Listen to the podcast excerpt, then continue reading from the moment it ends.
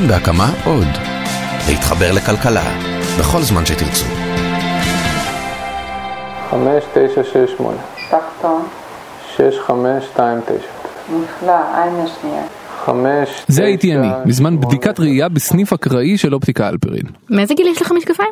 לי מגיל שמונה ולך? 12. אני לא יודע מה איתך אבל אני שונא ללכת לקנות משקפיים חדשים. גם בגלל שזה כרוך להסתכל על עצמי במראה יותר מדי זמן אבל גם בגלל הקטע הלא נעים הזה שבודקים לך את הראייה. וששמים לך את המשקפיים המביכים האלה על הפנים ואתה צריך לקרוא את הספרות האלה כמו ילד. בדיוק. לכן אני קונה משקפיים אחת להרבה מאוד זמן. נגיד את הזוג הנוכחי שלי קניתי לפני איזה חמש שנים. מתי את קנית את שלך? לפני שלוש שנים וכבר באותו שבוע הבנתי שזו טעות אופנתית ומאז לא היה לי כוח לכל הפרוצדורה הזאת עוד פעם. בינגו. ונשאלת השאלה איך זה יכול להיות? איך זה יכול להיות שאנחנו נמצאים בשנת 2017 ועדיין הדרך היחידה להבין מה המספר שלנו במשקפיים זה בשיטה המסורבלת והלא נוחה הזו. והם אשכרה עוברים מספר אחרי מספר עד שאתה אומר להם שאתה רואה טוב הם כאילו שמים עליך את כל הסוגים של העדשות כאילו עוד מעט יהיו מכוניות שנוסעות לבד אבל במשקפיים אנחנו יודעים שיטות של המהפכה התעשייתית. לגמרי. וכמו תמיד, הסיבה מדוע זה ככה קשורה לכסף, ובמקרה הזה להרבה מאוד כסף, ולעובדה ששוק המשקפיים העולמי הוא מאוד מאוד לא תחרותי. למעשה, שולטות בו בעיקר שתי חברות ענקיות. אהבתי פעם נערה במשקפיים שראתה אותי קצת מטושטש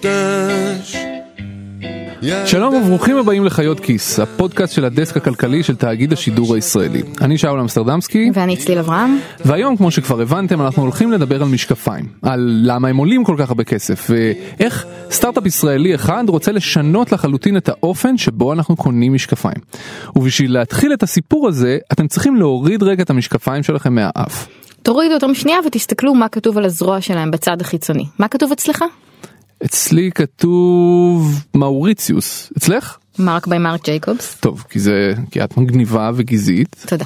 אם כתוב על המשקפיים שלכם רייבן, או אוקלי, או מיו מיו, או פולו, דולצ'ה גבאנה, בולגרי, ארמני, ארמני השני, ועוד מלא מלא מלא כאלה, סימן שהמשקפיים שלכם יוצרו על ידי חברה איטלקית עם השם המגניב ביותר בעולם, לוקזוטיקה. איזה כיף להגיד את זה. לוקזוטיקה. לוקזוטיקה. זו חברה איטלקית שהקים מישהו בשם אלסנדרו דל וקיו והיום היא שולטת בשוק המסגרות הממותגות. לפי כל מיני הערכות היא מחזיקה בערך ב-80 או 90 אחוזים מהשוק הזה. היא פשוט גדלה וגדלה לאורך השנים וקנתה עוד ועוד מותגים. למעשה היא קנתה לא רק מותגים של משקפיים אלא גם את הרשתות הגדולות בארצות הברית שמוכרות משקפיים וגם את חברות הביטוח שמאפשרות לאנשים לקנות משקפיים. איך שלא תסובבי את זה משקפיים זה לוקזוטיקה. והאסטרטגיה של לוקזוטיקה היא אחת, לשמור על מחירים גבוהים. היא עושה את הכל כדי לוודא שהכסף שאתם מתכוונים להוציא על זוג המשקפיים הבא שלכם יגיע לכיס שלה. פשוט רכשו את הרשתות הגדולות המבוססות שהיו קיימות בארצות הברית אז, זה התהליך שהתחיל לפני חמש שנים. כאילו הם קנו את האופטיקן האמריקאי? בדיוק. זה חיים בכר. ה- חיים הוא מנהל פיתוח עסקי בתחום האופטיקה. פגשתי אותו במקרה במתחם ווי וורק אה, בשרונה והוא זה שסיפר לי את כל הסיפור הזה. חוץ מלוגזוטיקה יש עוד חברה שפועלת בשוק המשקפיים אבל היא מתמקדת בעדשות ובמסגרות הלא ממותגות. קוראים לה אסילור. כל אחת מהחברות האלה שווה בערך 25 מיליארד יורו. אוקיי, אז יש תחרות בשוק המשקפיים. זהו שלא, כי כמו שכל ישראלי יודע, כשיש רק שני שחקנים גדולים בשוק מסוים, נגיד בנק הפועלים ובנק לאומי, או סופר פארם וניו פארם, שופרסל ומגה, המחירים לא יורדים לשום מקום. וזה עוד כלום. לפני חודש, שתי החברות האלה, בום, התאחדו. ובסוף השנה הן ימוזגו לחברה אחת ענקית בשווי של 50 מיליארד יורו. אז אנחנו קונים משקפיים מקרטל משקפיים בינלאומי? בול. ופה חיים בכר והסטארט-אפ שהוא עובד בו נכנסים לתמונה. הם הולכים לשנות את שוק המשקפיים העולמי.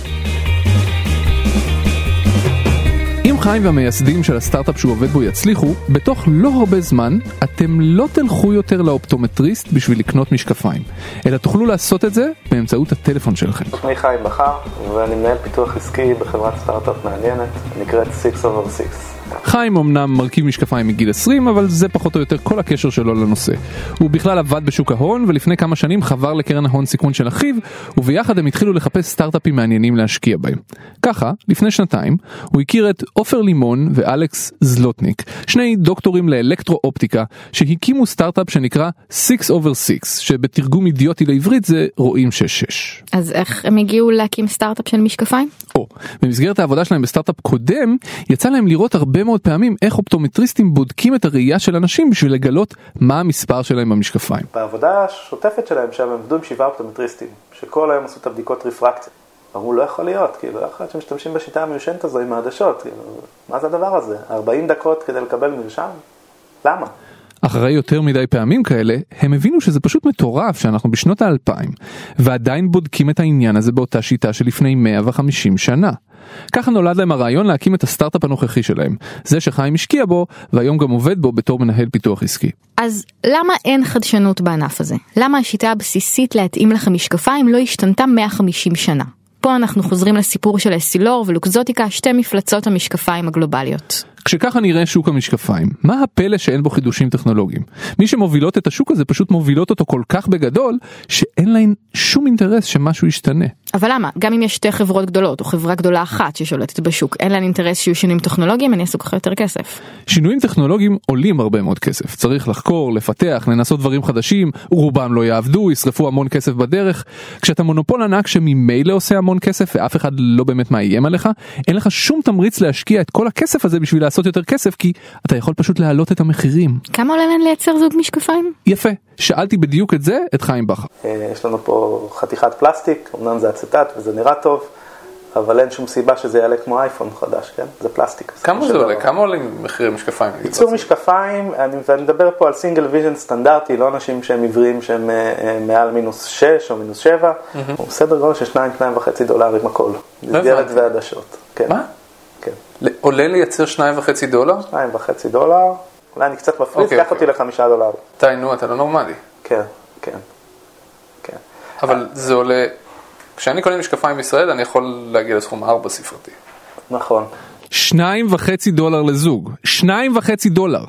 פתאום הדיל הזה שראיתי בקניון של שני משקפיים ב-300 שקל נראה לי כמו שחיטה כשרה. ככה זה היה עשרות שנים עד שב-2010 החל ניסיון ראשון לשנות את השוק הזה. זה קרה כשארבעה צעירים אמריקאים ייסדו יחד את מותג המשקפיים וורבי פארקר, שהוא בעצם סטארט-אפ של משקפיים.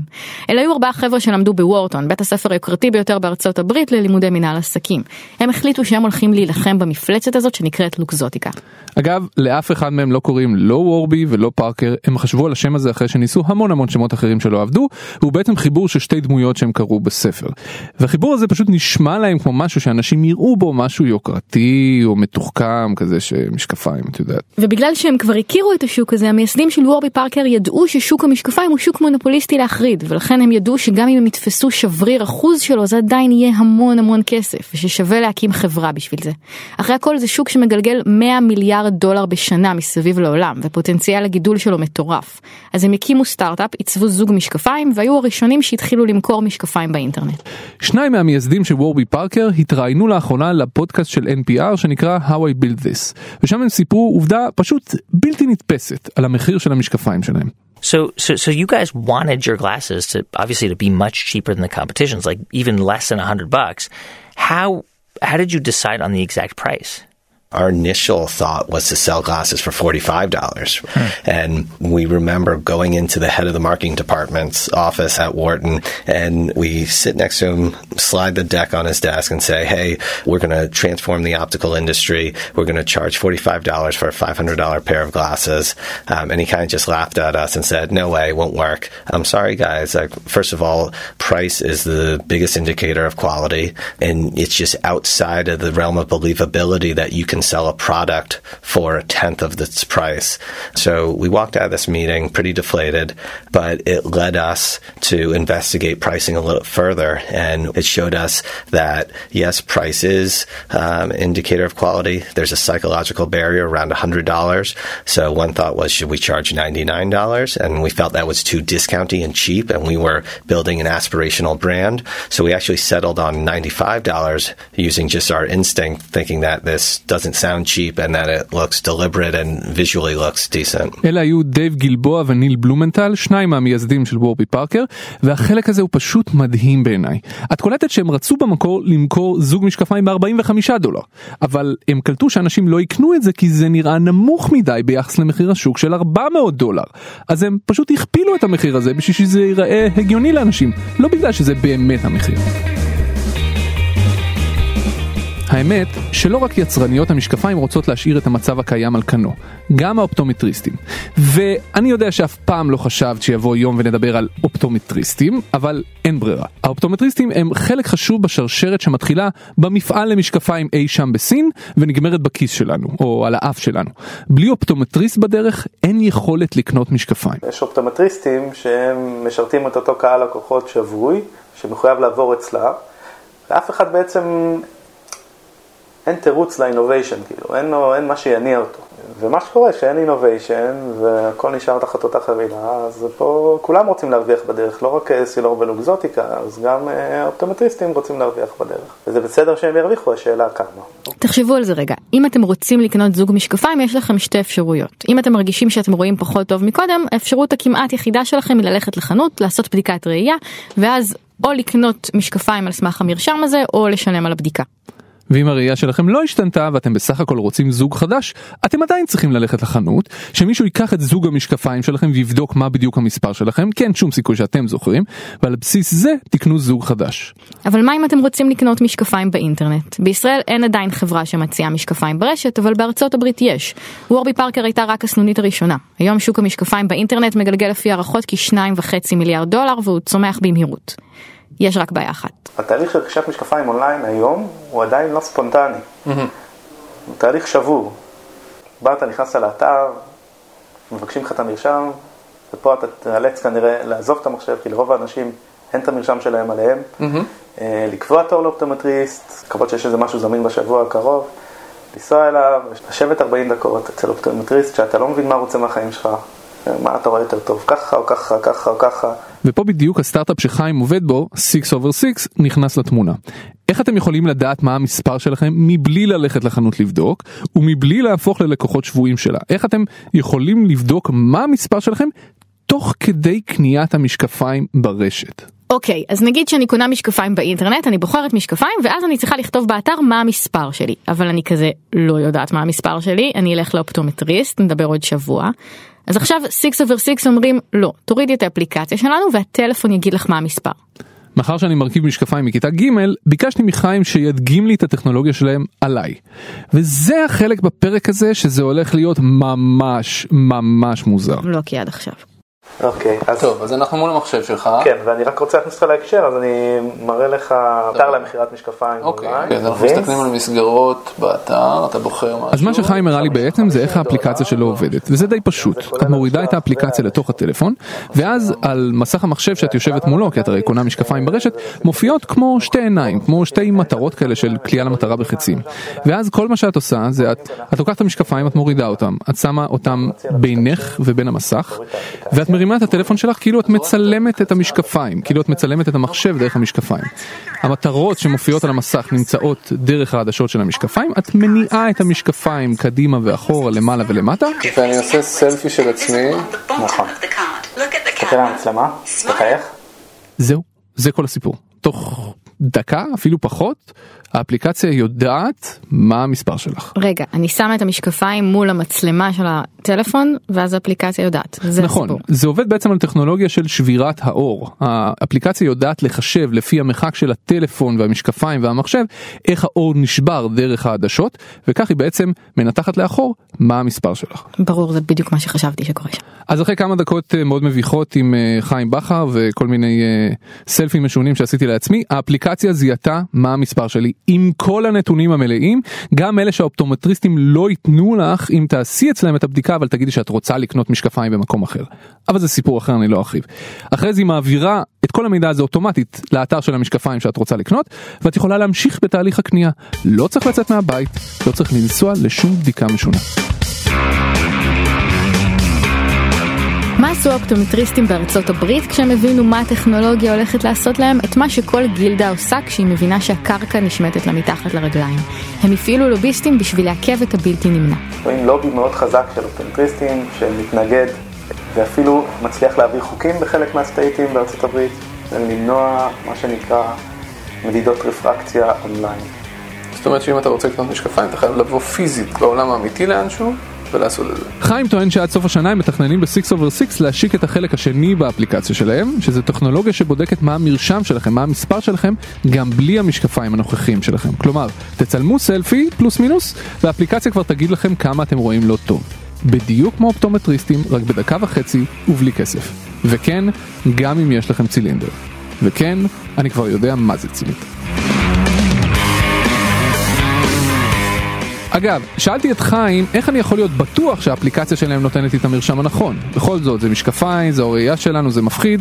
בתור תשובה, הוא סיפר לי את הסיפור של קרולינה למקה. קרולינה למקה היא רשת המשקפיים הצעירה ביותר בישראל, ולמרות זאת, תוך שנים ספורות מהקמתה, היא הצליחה להפוך לרשת שמוכרת הכי הרבה משקפי ראייה בארץ, ולהיות מאוד רווחית. במחצית הראשונה של 2016 היא הרוויחה 9 מיליון שקל, שהם יותר ממה שהרוויחה ב-2015 כולה.